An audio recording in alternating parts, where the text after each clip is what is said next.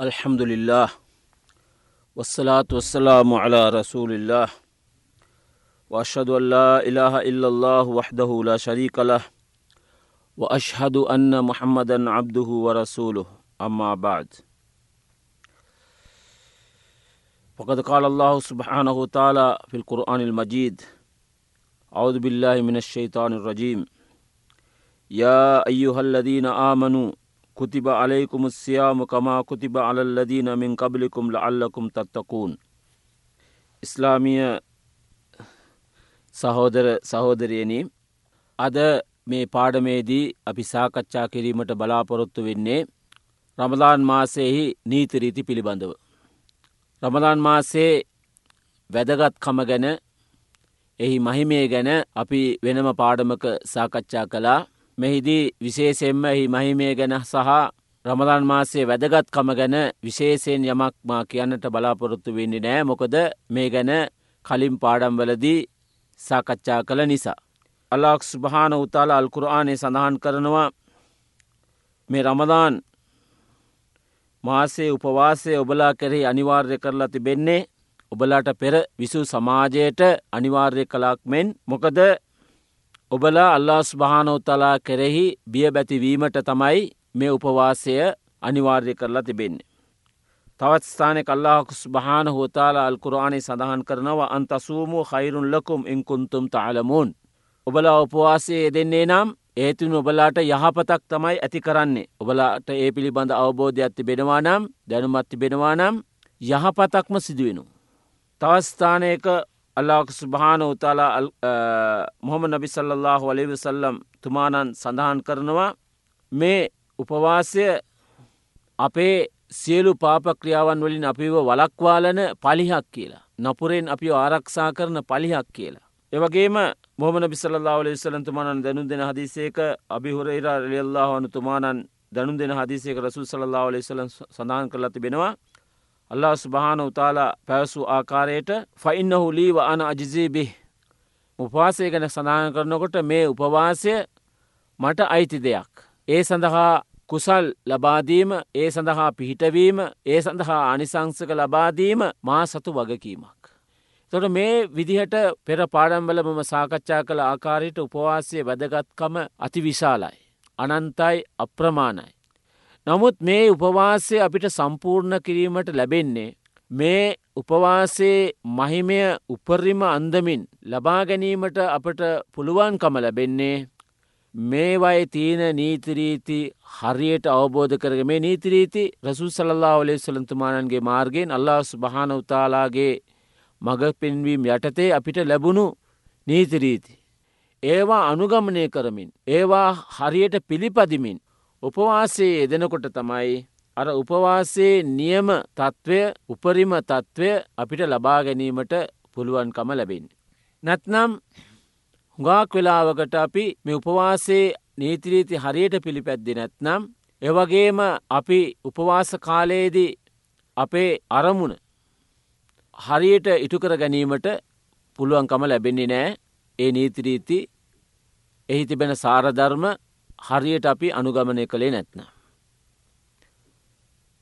රසුල්ලායි සල්له ඔලේ සල්ලන්තුමානන් දැනුන්දී තිබෙනවා බොහෝ දෙන උපවාසය දෙනවා සැබෑව නමුත් ඒගොල්ලන්ගේ උපවාසයෙන් ඒගොල්ලන්ට හිමිවෙන්නේ මොකක්ද කිසිම කුසලයක් නෑ. උදේ සිට හවස දක්වා ආහාරපානයෙන් වැලැකී සිටිමින් නිරපරාදේ තමන්ගේ ශරීරය වේසට පත් කලා පමණක් වෙනවා මිසක් අර උපවාසයෙන් ලැබිය යුතු නියම කුසල් ධර්මය ලබා ගැනීමට හැකිවෙන්නේ නෑ අර උපවාසයටම අදාළ සාරධර්ම උපවාසයට අදාළ නීතිරීති ඒවගේම ඒ උපවාසයට අදාළ විනය එවගේම උපවාසයට අදාළ නීති නිසියාකාරව අපි අනුගමනය කළේ නැත්න. එනිසා උපවාසය යෙදෙන අයට මේ නීතිරීති පිළිබඳ හොඳ අවබෝධ ඇති බෙනෙට ඕන එතකොට තමයි ඒ අයගේ උපවාසය සම්පූර්ණ වෙන්නේ. අපි මහන්සි වෙන්න මොනවටද. අල්ලා ස්භාන උතාලාගේ ලැදියාව ලබාගන්න. අපේ හිතේ තියෙන විදියට මේක මම කළොත් හරි තැ සමහරයි උපවාසය දෙනවා. එක එක විදිහට නීතිරීති අනුගමනය කරමින් එක එක කියන එක එක අය කියන විදිහට කිසිම සාධකයක් නැතුව උපවාසය එදෙන නිසා ඒ අයගේ උපවාසය සම්පූර්ණ වෙන්නේ නෑ. සමහර වෙලාට මේ උපවාසේ සමහර නීති හරිම ලේසි. නමුත් ඒගොල්ලෝ විසින්ම ඒ අමාරුවක් කරගන්නවා. ඉස්ලාම් ධර්මය කියන්නේ ඉතාමත්ම පහසු අනුගමනය කිරීමට ලේසි පහසු ධර්මයක්. නමුත් ඒකේ අපි අමාරුව වැටෙන්න නරකයි. පහසු මාර්ගයේ පමණයි අපිට අනුගමනය කළ යුත්තේ. එනිසා උපවාසයගෙනට සමහරාය ගාක් අමාරු දෙයක්.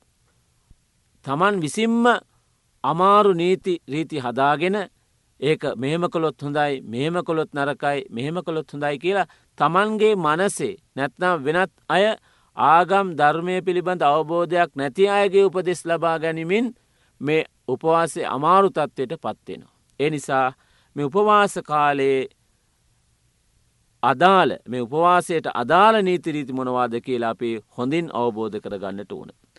විශේෂෙන්ම පළවෙනි කාරණාව තමයි රමලාන් මාසේ සඳ බැලීමත් සමගම හෝ ඉස්ලාම් දිනදර්ශනය අනුව ශාබාන් මාසය දින තෙහකින් සම්පූර්ණ කිරීමත් සමගම තමයි මේ සුද්ද වූ රමදාන් මාසය ආරම්භ වෙන්නේ. තිං ඔය සඳ බැලීම පිළිබඳව එක ප්‍රශ්න තිබෙන නමුත් අපි හරියට අර නියම අපිට පිළිගත හැකි මට්ටමේ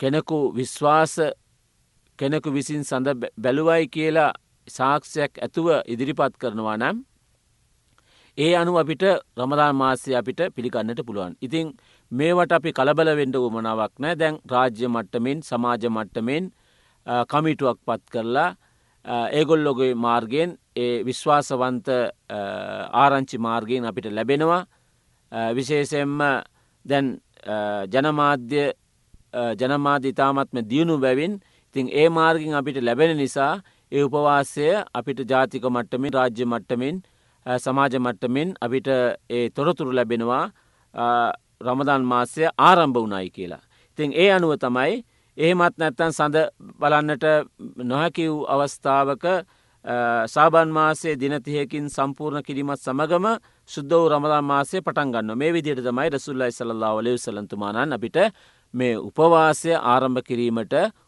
උපදෙස් දිලා තියන්නේ. එතකොට මේ රමදාන් මාසේ පළමු දිනේදීම අපිට උපවාස එදෙන බවට නීයත් හෙවත් චේතනාව පිහිටුවා ගන්න පුළුවන් ඒක ප්‍රමාණවත්. නමුත් දැන් සමහර වෙලාවට මගදි අර උපවාස මාසේ කැඩුනන දැන් ගමන් බිමන් වල හෝ ලෙඩරෝග වැනි හේත්තු නිසා උපවාස යෙදනේ නෑ කියලා හිතමු. එතකොට ඒ වගේ දැන් මගදී ඒ වගේ අපි උපවාසයෙන් මිදුනා නම් දින කීපයක් නැතැන් දවස් දෙකත් වනත් එතො නැවත උපවාසය දෙන අවස්ථාවේදී නීයත් පීටුවා ගන්නට ඕන. ඊළඟ කාරණාව තමයි දැන් උපවාසේ යෙදෙනවා නමුත් මේක දැන් සමහර වෙලාවට ලෙඩරෝගවලට පත්වෙලා ගමම්බිමන් වල එදමින් අමාරු තත්වෙන් අමාරු තත්ත්වයට පත්වමින් උපවාසේ දෙන්න උත්සාහ කරනවා. මේකෙන් සමහරවිට ශරීරයට තමන්ගේ සෞඛ්‍යයට විශාල හානියක් සිදුවෙන්න පුළුවන්. තර මේ වගේ අවස්ථාවදී අල්ලහු ස්භාන උතාල සහ රසුල්ලා ඉස්සල්له වලේවසල්ලම් තුමාන අපිට මඟ පෙන්වාදී තිබෙනවා මේ උපවාසේ එදෙන්න බැරීම අවස්ථාවක උපරිම මට්ටමින් අපිට බැරිම අවස්ථාවක් බැරිම අවස්ථාවකට අපි පත් වනහාම ඒවග අවස්ථාවකට අපිට සහනයක් ලබාදීලා තියෙනවා ඉස්ලාම් ධර්මයෙන් මේ උපවාසේ යෙදීමෙන් වැලකී සිටින්න. ඒ නිසා මේ කාරණාව සම්බන්ධවත් අපේ අවධානය අපි යොමු කරන්නට ඕන. දැන් තුන්වනි කාරණාව තමයි දැන් අපි මහළුවියට පත්වීම හෝ නිට්ටාවට සුව කළ නොහැකි ලෙඩරෝග තත්ත්වයෙන් පෙළෙන කෙනෙකුට. උපවාසේ යෙදෙන්න පුළුවන්ද බැහැ. තොට එයාට උපවාසේ නොයදී සිටීමට අනුමතිය ලබාදීලා තියෙනවා ඉස්ලාම් ධර්මය ඒ වගේ තත්ත්වය සිටින අයට මහලු වියට පත්වෙලා. මහල් වියට පත්වෙලා කියන්න උප්පර මෙයාට මහළුවයට පත් වෙලා ඒ කලට වෙලාවට බේත්තික ගණ්ඩ ඔන්නම් කෑමටික ගණ්ඩ ඔන්නම් ඒ වගේ වෙලාවට එයාට උපවාසේ යෙදීමකින් තොරව සාමාන්‍ය දවස්වල වගේ යට කාලය ගත කරන්නට පුළුවන්. ඒ වගේම මහළු මහළු තත්ත්වයට පත් නොවූද සමහර මැදිවයේ තරුණ අය මේගොල්ලන්ටත් අර නිට්ටාවට සුව කළ නොහැකි ලෙඩරෝග තත්ත්වයෙන් පෙළෙන අයට මෙහෙම උපවාස එදුනා නම් ඒගොල්ලන්ට ශරීරය හොඳ සාක්ෂි ඇතුව වෛද්‍ය උපදෙස් අපිට ලැබෙනවා නම් විශ්වාසවන්ත පැත්තකින් අපිට ලැබෙනවා නම් මේ ලෙඩරෝග නිසා උපවාසයද ඉන්න බැහැ කියලා එ ඒ වගේ අවස්ථාවකට අපිට පුළුවන් උපවාසයෙන් මිදී සිටින්න. ඒ වනත් හැකියාවක් ඇත්නම් එක් දිනය බැගින් එක් දුගියකුට ආහාර සැපීම අවශ්‍ය වෙන දැන් උපවාසය දුන එක උපවාසයක් සඳහා එක් දුගයකුට ආහාර සැපවීම අවශ්‍ය වෙනවා. එක් දිනය බැගින් දැන් දවස්තුනක් නම් තුන්වෙලක්. ඒ විදිහට ආහාර සැපවීම අවශ්‍ය වෙනවා. දැන් ඊළඟට තවත් කාරණාවත් වෙනවා විශේෂෙන්ම අපි අවබෝධ කරගන්නට ඕන මේ දැන් සමහර උදවිය මේ සලාතයට වඩා උපවාසයට වැදගත් ස්ථානයක් ලබා දෙනවා. ජීවිතය කවදක්වත් ජුම්මා සලාතයට යන්නන පස්වේලේ සලාතය ඉටු කරන්නේ නෑ. නමුත් රමදාන් මාසේදී විශාල උද්‍යෝගයක් ඇතිකර ගනිමින් විශාල භක්තියක් ඇතිකර ගනිමින් උපවාසේ දෙනවා. ඒ දැන් සමහරාය උපවාසේ අවුරුද්ධකට සැරක් උපවාසේ දෙන මිසක් කවදාකවත් සලාත් ඉටු කරන්නේ නෑ. සමහරය අවුරුද්ධ පුරාම සලාත් ඉටු කරන්නේ නෑ නමුත් අර රමදාන් මාසේ උපවාසේ දෙන කාලයට පමණක් සලාත ඉටු කරමින් උපවාසේ දෙනවා. මේ දෙකම වැරදි නමුත් සලාතය තමයි අපිට දැන් අපි කිව්ව පළමු පාඩමේදීත් කියාමත් දිනේද අල්ලා ස්භාන උතාලා මුලින්ම අපෙන් ප්‍රශ්න කරන්නේ කුමක් සම්බන්ධ උපවාසය ගැන සඳහන් කරන සලාතය ගැනයි අල්ලා ස්භානෝතාලා අපකින් අහන්නේ මේ පස්වේලේ සලාතය හරියට ඉටු කලාද. තොර ඒ අහන ප්‍රශ්නයට අපිට හරියට උත්තරයක් දෙන්න පුළුවන්නං තමයි උපවාසය පිළිබඳ අහන ප්‍රශ්නවලටත් හරියට උත්තරදීමට අපිට පුළුවන්කම ලැබෙන්නේ. ඒ නිසා සලාතය අත්හල තැනැත්තාගේ උපවාසය පිළිගන්නවාද අල්ලා ස්භානෝතල පිළිගන්න නැහැ. එතොට සලාතය අත්හල තැනැත්තා කවුද ප්‍රතික්ෂේප කරන්නෙකුගේ තත්ත්වයට පත්වෙනවා. එකන් ඉස්ලාමයෙන් එකන් ඉස්ලාමය රාමුවෙන් බැහැර වූ කෙනෙකු බවට පත්වෙනවා. ඒ නිසා අපි සලාතය අත්හල තැනැත්තාගේ උපවාසය කවදාවක් තල්ලා ස්භානෝ තල පිළිගන්නේ නෑ. ඒ නිසා අපි විශේෂයම අවධානයමු කරන්නට ඕන අල්ලා ස්භානො තලගේ දවා කරන්න ඕන උපවාසය යෙදීමට අපිට අර භක්තියක් ආසාාවක් ඇති වෙනවා. ඒ අයට අල්ලා ස්භානොත්තාලාගේ පීට ලැබෙන්ඩ ඕන කියලා අපි ප්‍රාර්ථනා කරන නමුත් සලාතය තමයි මෙතනදී අපිට වැදගත් වෙන්නේ සලාතය ඉටු කරමින් අපි උපවාසය දෙන්නට ඕන. ඒවගේම මේ හතරවැනි කාරණාව මම කිව්වේ. ඒවගේම මේ ෆජර සලාතය සඳහා අදාන් ආරාධනය කරන්න මුअද්දින් ජනවිශ්වාසයට පාත්‍ර වූ කෙනෙකු නම් සහ ඔහු නියමිත ඔහු නියමිත වේලාවට අනුව අදාන් පවසන බවට තහවුරු වනා නම් එසේ ඔහු විසින් අදාන් පැවසීම ආරම්භ කිරීමත් සමඟ මොකක්ද කරන්න නන්නේ ආහරපාන ගැනීම සහ උපවාසය අවලංගු කරන ක්‍රියාවන්ගෙන් වැලකි සිටින්නට උන්. අර අදාන් ද උපරිම අපිට දීල තියෙනවා ෆජර් සලාතේ අදාන්. ඒ පජර් සලාතය දක්වා වූ කාලය. ඒ අදාන් කියනවා අපි ශ්‍රවණය කරනවත් සමගම දැන් අප ආහාරපානය බුක්ති විදිමින් සිටින අවස්ථාව දේව නවත්තන්ට ඕන. ඒවගේම ඒ වගේ අපිට අනුමාන කරනවනම් එහෙමත් එහෙම අපි උගාකොය මේ තත්වට පත්වෙන් නටකයි දැන් අපිට කාල වෙලා තියෙන දැන් ඔරලෝස්වත් තියෙන හරියට අපිට කාල වෙලා බල අපිට ඒ වෙලාවට අපි කෑමබීම නවත්තලා උපවාස එදෙනක තමයි වැදගත්වෙන්. එනිසා විශේෂෙන්ම අපි ඒ දැන් අපි ඒ විශ්වාස කළ යුතු කෙනෙකුගේ අධානයක් සමගම අපිට නවත්තන්න පුළන් එසේ නොමතේ ඔහු වේලාව අනුමාන කරමින් එක්තරා නිගමනකට අනුව හෝ කලන්ඩරේ දක්වන වෙලා වනු අදාන් පවසන් පවසනවායි කියලා හිතනවා නමේ. නෑ ටිකක් මෙයා වේලසන මේ අදාන් කියනවායි කියලා ඔගලන්ට ඒවගේ ඒවගේ අවස්ථාවක අදාන් පවසම සින කාලි තුළ ආහර ගැනීම වරදක් නෑ. නමුත් මීට වඩා වැදගත් වෙන්නේ අපි හරියට මේ ගැන උනන්දු වෙලා වේලාව හරියට බලලා ඒ අදාන් වේලාව සමගම කෑමබීම ආහාර ගැනීම වැලකි ඉන්නට ඕන ඒ උපවාසේ සම්පූර්ණ වීම සඳහා අනේක තමයි වැදගත් වෙන්නේ. දැන් තවත් කාරණාවත් තියෙන. දැ මේකත් මම දැන් කලින් කිව්ව වගේ දැ සමහරය හුඟක් අමාරු තත්ත්වයට පත්වෙන උවමනාවේම දැන් කෙල එනවා කෙල එනවා මගේ කටට කෙල ආවා ද සාමාන්‍ය දවස්සලට අපි හිතනවාද අපිට අපිට කටේ කෙල උනනවා අපි ගිලිනවා ඒක ස්වභාවෙන්ම සිදුවෙන දෙයක්. ඒගන අපි හිතන්නේ නෑ. කවදක්වත් අප හිතන්නේ නෑ. වතුර තිබහක් ආවොත් පිපාසයක් ඇති වුණොත් තමයි අපි වතුර ටිකක් බොන්නේ. නමුත් මේ අපි අර උපවාසය ගැන හුඟාක් හිතන නිසා ඒ වෙලා හැම වෙලේ මර ඒ ගැනම හිතන නිසා අර සමහාරය කෙලගිලිල් නැතු ඉන්නවා කෙල ඒක සාමාන්‍යයෙන් සමාජයටත් අනිත් අයටත් මුස්ලිම් නොවන අයටත් ඒක හරිම පිළිකුල් දෙයක් අපි තැනින් තැන ගිල කෙළගාන කෙල ගිල්ලට ප්‍රශ්නයන්නේ. කෙලගිනීම නිසා උපවාසය අවලංගු වෙන්නේ නෑ. මේ සම්බන්ධයෙන් ඉස්ලාමි විද්වතුන් අතර විවාදයකුත් නෑ. නමුත් අපි දැනගන්ට ඕන දැන් ඔය සොට්ටු සෙමගේ දේවල් ශරීරයට ඇතුල්වීමෙන් වැලකී සිටීම තමයි මෙතනදී වැදගත් වෙන්නේ. දැ තවත් දෙයක් තමයි දැන් සමහරය උපවාසයෙන් මිදෙනවා දැන් උප දැන් අපි කියමුකෝ බැරි වෙලාවක් අපේ ශරීරයෙන් පිහියකින් අත කැපුණ. ශරීරයෙන් ලේ පිට වෙන්න පටන් ගත්තා.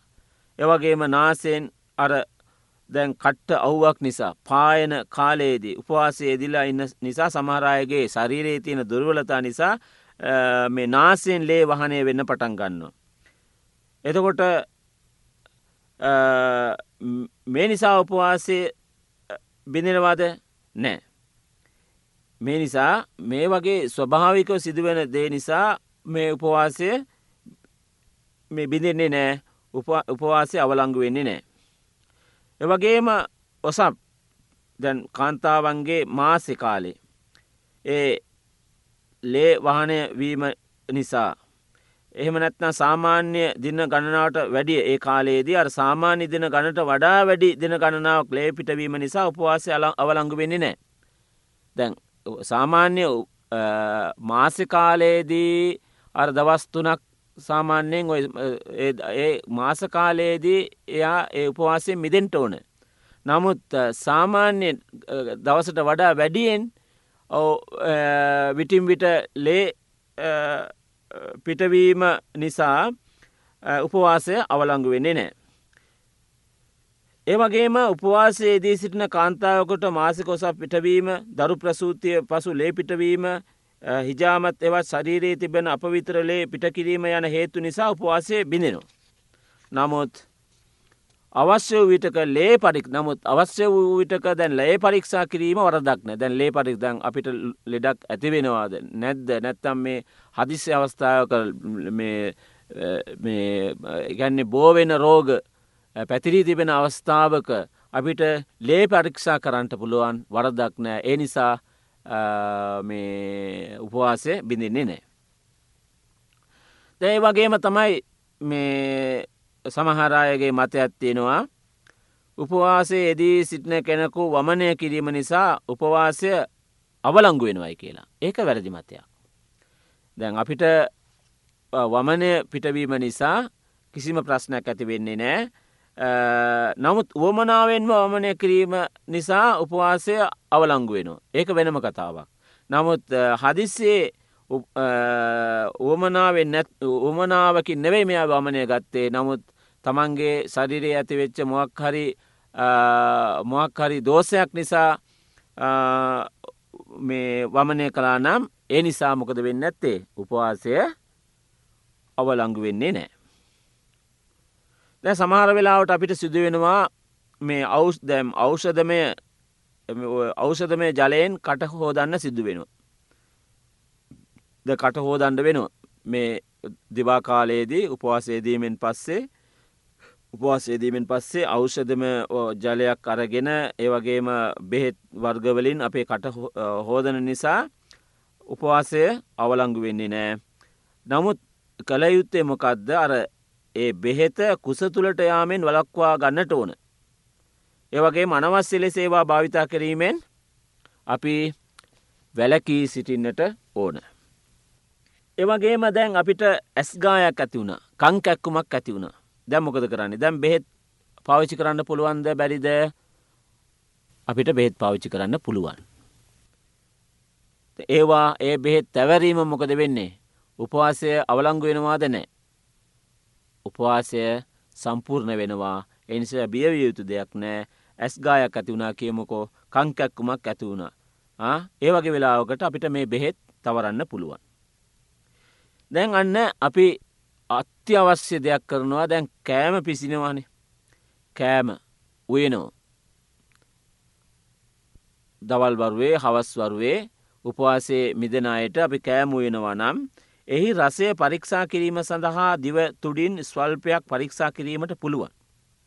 ටිකක් උයිලුණු බලන්න ලුණු වැඩිද අඩුද කියල බලන්න අපිට ඒ වගේ දේවල් කරන්න පුළුවන් නමුත් ඒවා ගිල දැමීමෙන් වැලකී සිටින්නට ඕන. ඒවා ගිල දැමීමෙන් අපි වැලකී සිටින්නට ඕන ඒක තමයි වැදගත් වෙන්නේ. ඒවගේම අඹුසැමියන් උපවාසේ යෙදී සිටින විටක සැමියා විසින් දැන් බිරිඳක කැමැත් එන්නවේ සැමියා විසින් මොකද කරන්නේ බිරිඳ සමඟ බලහත්කාරයෙන් මේ ලිංගික ක්‍රියාව යෙදනා නම් අර බිරිඳගේ උපවාසය අවලංගු වෙන්නේ නෑ. මොකොද මෙයා බලහත්කාරයෙන් කරලා තියෙන මේක වරදක් ලොකු වරදක්. එතකොට මේ වරදට වන්දයක් වසයෙන් කිසිවක් ප්‍රධානය කළ යුතු නෙවෙයි කාටද බිරිඳට නමුත් සමයා විසින් අර කළ වරදට වන්දයක් වසයෙන් එම උපවාසය නැවත ඉටු කරන්නට ඕන එවගේම වහල් භාවයට පත් වූ කෙනෙකු නිදහස් කරන්නට ඕන එවැන්නකු නොමැති අවස්ථාවක මාස දෙකක් එක දිගට නොකඩවා උපවාසය එදෙනට ඕන. ඒ සඳහා ශක්තියක් නැතියන් නැත්නම් දුගියන් හැට දෙනෙකුට ආහාර ප්‍රධානය කරන්නට ඕන.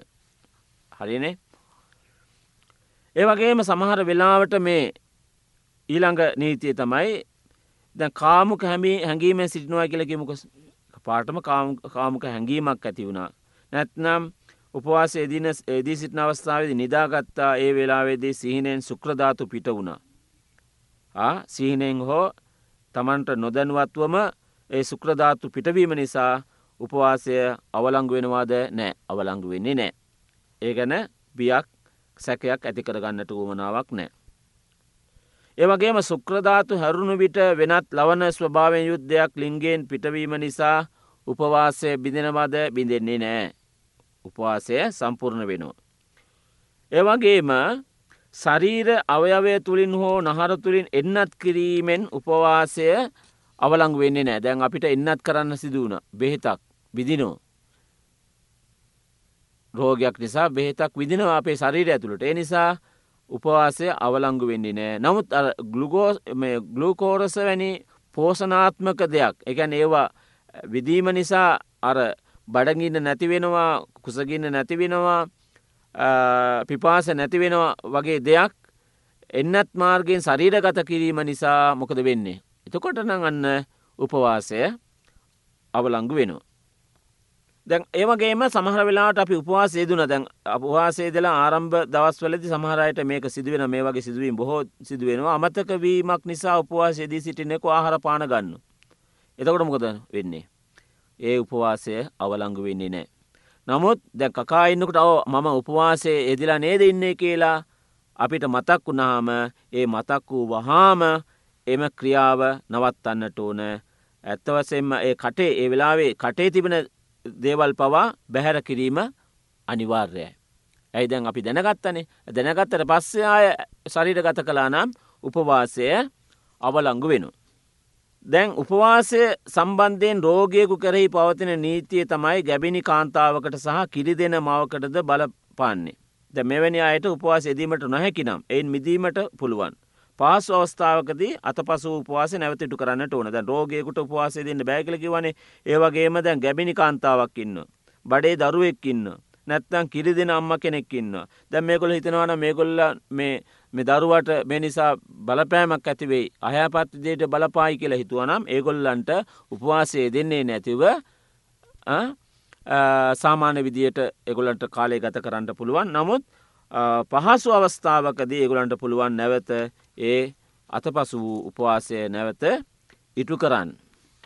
ඒ වගේම තමයි නාසය තුළට ඇතුල් කරනු ලබන බෙහෙතක් කුස තුළට ගමන් කිරීමෙන් උපවාසය බිඳෙනවා. බෙහෙතක් අර නාසිරදී ඇතුල් කිරීම නිසා මේ ශරීරගත වුණහම උපවාසය බිඳෙනවා. ආහාරපාන වෙනුවට සේලයින් මාර්ගයෙන් පෝෂ්ෂදායක දේරවැනි දෑ ශරීරගත කිරීමෙන් මොකද වෙන්නේ අන්න එතකොටත් උපවාසය අවලංගු වෙනවා. ඒ වගේම ඔරෝගාතුර වූ මුස්ලිම් කෙනෙකු උපවාස ේදීමකින් තොරව රමලාන් මස අවසන්වීමෙන් පසු මරණයට පත් වනාන. ද රෝගතුරව මුස්ලිම් කෙනෙකු උපවාස ේදීමකින් තොරව රමලාන් මාස අවසන්වීමෙන් පසු මරණයට පත් වනාන මොකද කරන්න වන්නේ. අත පසු උපවාසය තවත් කෙනෙකු විසින් ඉටු කරනවා අපි හුඟක් දැකල තියෙනවා. ඒ සඳහා වන්දියක් දෙනවා. නමුත් මේක අවශ්‍ය වෙන්නේ නෑ. මරණයට පත් වූ කෙනෙකු වෙනවෙන් Eh, එයාගේ එයාගේ ඥාතයකු නැත්තම එයාගේ ලේ ඥාතයකු විසින් ඒ උපවාසය නැවත ඉටු කරන්න අවශ්‍යතාවයක් නෑ. ඒවගේම ගමන් බිමන් වල එදී සිටින්න දැන් ගාක් ඔය දුර ගමන් බිමන් වල තාමත්ම දුෂ්කර ගමන් බිමන් වල එදී සිටිනායට උපවාසයේ යෙදීමෙන් වැලකී සිටින්න පුළුවන්. හැකිනම් උපවාසය දෙන්නටත් පුළුවන් මේ ක්‍රම දෙකම මොහම නබිසල්له හොලි වෙසල්ලම් තුමානා විසින් අමනුගමනය කර බවට සාක්ෂි තිබෙන. අධික උෂ්නාත්වයක් පවතින මොහොතක ගමන් බිමන් වෙල එදෙන කෙනෙකු විසින් උපවාසය නොයදී මොකක් ගා කමාරුවට පත් කරගන්නට ඔන්න ඒ කාලයේදී උපවාස එදෙන්නේ නැතිව වෙනත් දවසකට එය හිලව් කර ගැනීම නැත්තම් මේ වෙනුවෙන් උපවාසේදීම තමයි වැදගත් වෙන්නේ. ඒවගේම රමදාන් මාසය තුළ දවල් කාලෙහි දත් මදින්න පුළුවන්ද බැරිද කියලහනවා දත් මදින්න පුළුවන් මිස්වාක් වැනි දේවල් භාවිතා කරන්නටත් පුළුවන් එය පොදුවේ සෑම කාලයකටම සුන්නතු ක්‍රියාවක්. ඊළඟට උපවාස එදී සිටින කෙනෙකුට සුවඳ වෙලවුන් තැවරීම එහි සුවඳ නාසේ නිබ බැලීම වරදක් නෑ. සුවඳ දුමාර වැනිදෑ නාසය තුළින් සරිරගතවීම තමයි අපි වලක්වා ගන්නට ඕනන්නේ. ඊළඟට දැම් විදුරු මස් තුළින් හෝ නාසය තුළින් ලේපිටවීමෙන් උපවාසය අවලංගු වෙන්නේ නෑ. ඉදිරු මස් තුළින් හෝ නාසය තුළින් ලේපිටවීමෙන් උපවාසය අවලංගු වෙන නමුත් එම රුදිර කුස තුළට දැන්ගේ දැන් ඒ පිටත් වෙන රුදිර එලේ ආපෝ අපේ ශරීරගතවීමෙන් නැත්තම් මේ කුස තුළට ඇතුල්වීමෙන් අපි වලක්වා ගන්නට ඕන ඒක ඉතාමත්ම වැදගත් වෙන කාරණාවක්. ඒස මෙන්න මේ විදිහට අපි මේ උපවාසේ උපවාසය යෙදෙනකොට ඉතාමත්ම කල්පනාකාරීව කටයුතු කරන්නට ඕන ඒ උපවාසය යෙදීමෙන් මේ වගේ නීතිරීති හරියට අවබෝධ කර ගැනීම නිසා පිට පුළුවන් උපවාසේ නියම තත්ත්ව අපිට ලබාගන්නට. සුභහන කල්ලා හම අභිහම්දික ශදුවල්ලා ඉල්ලහ ඉල්ලා අන්ත අස්ථාපුරක වාතු පිලේ.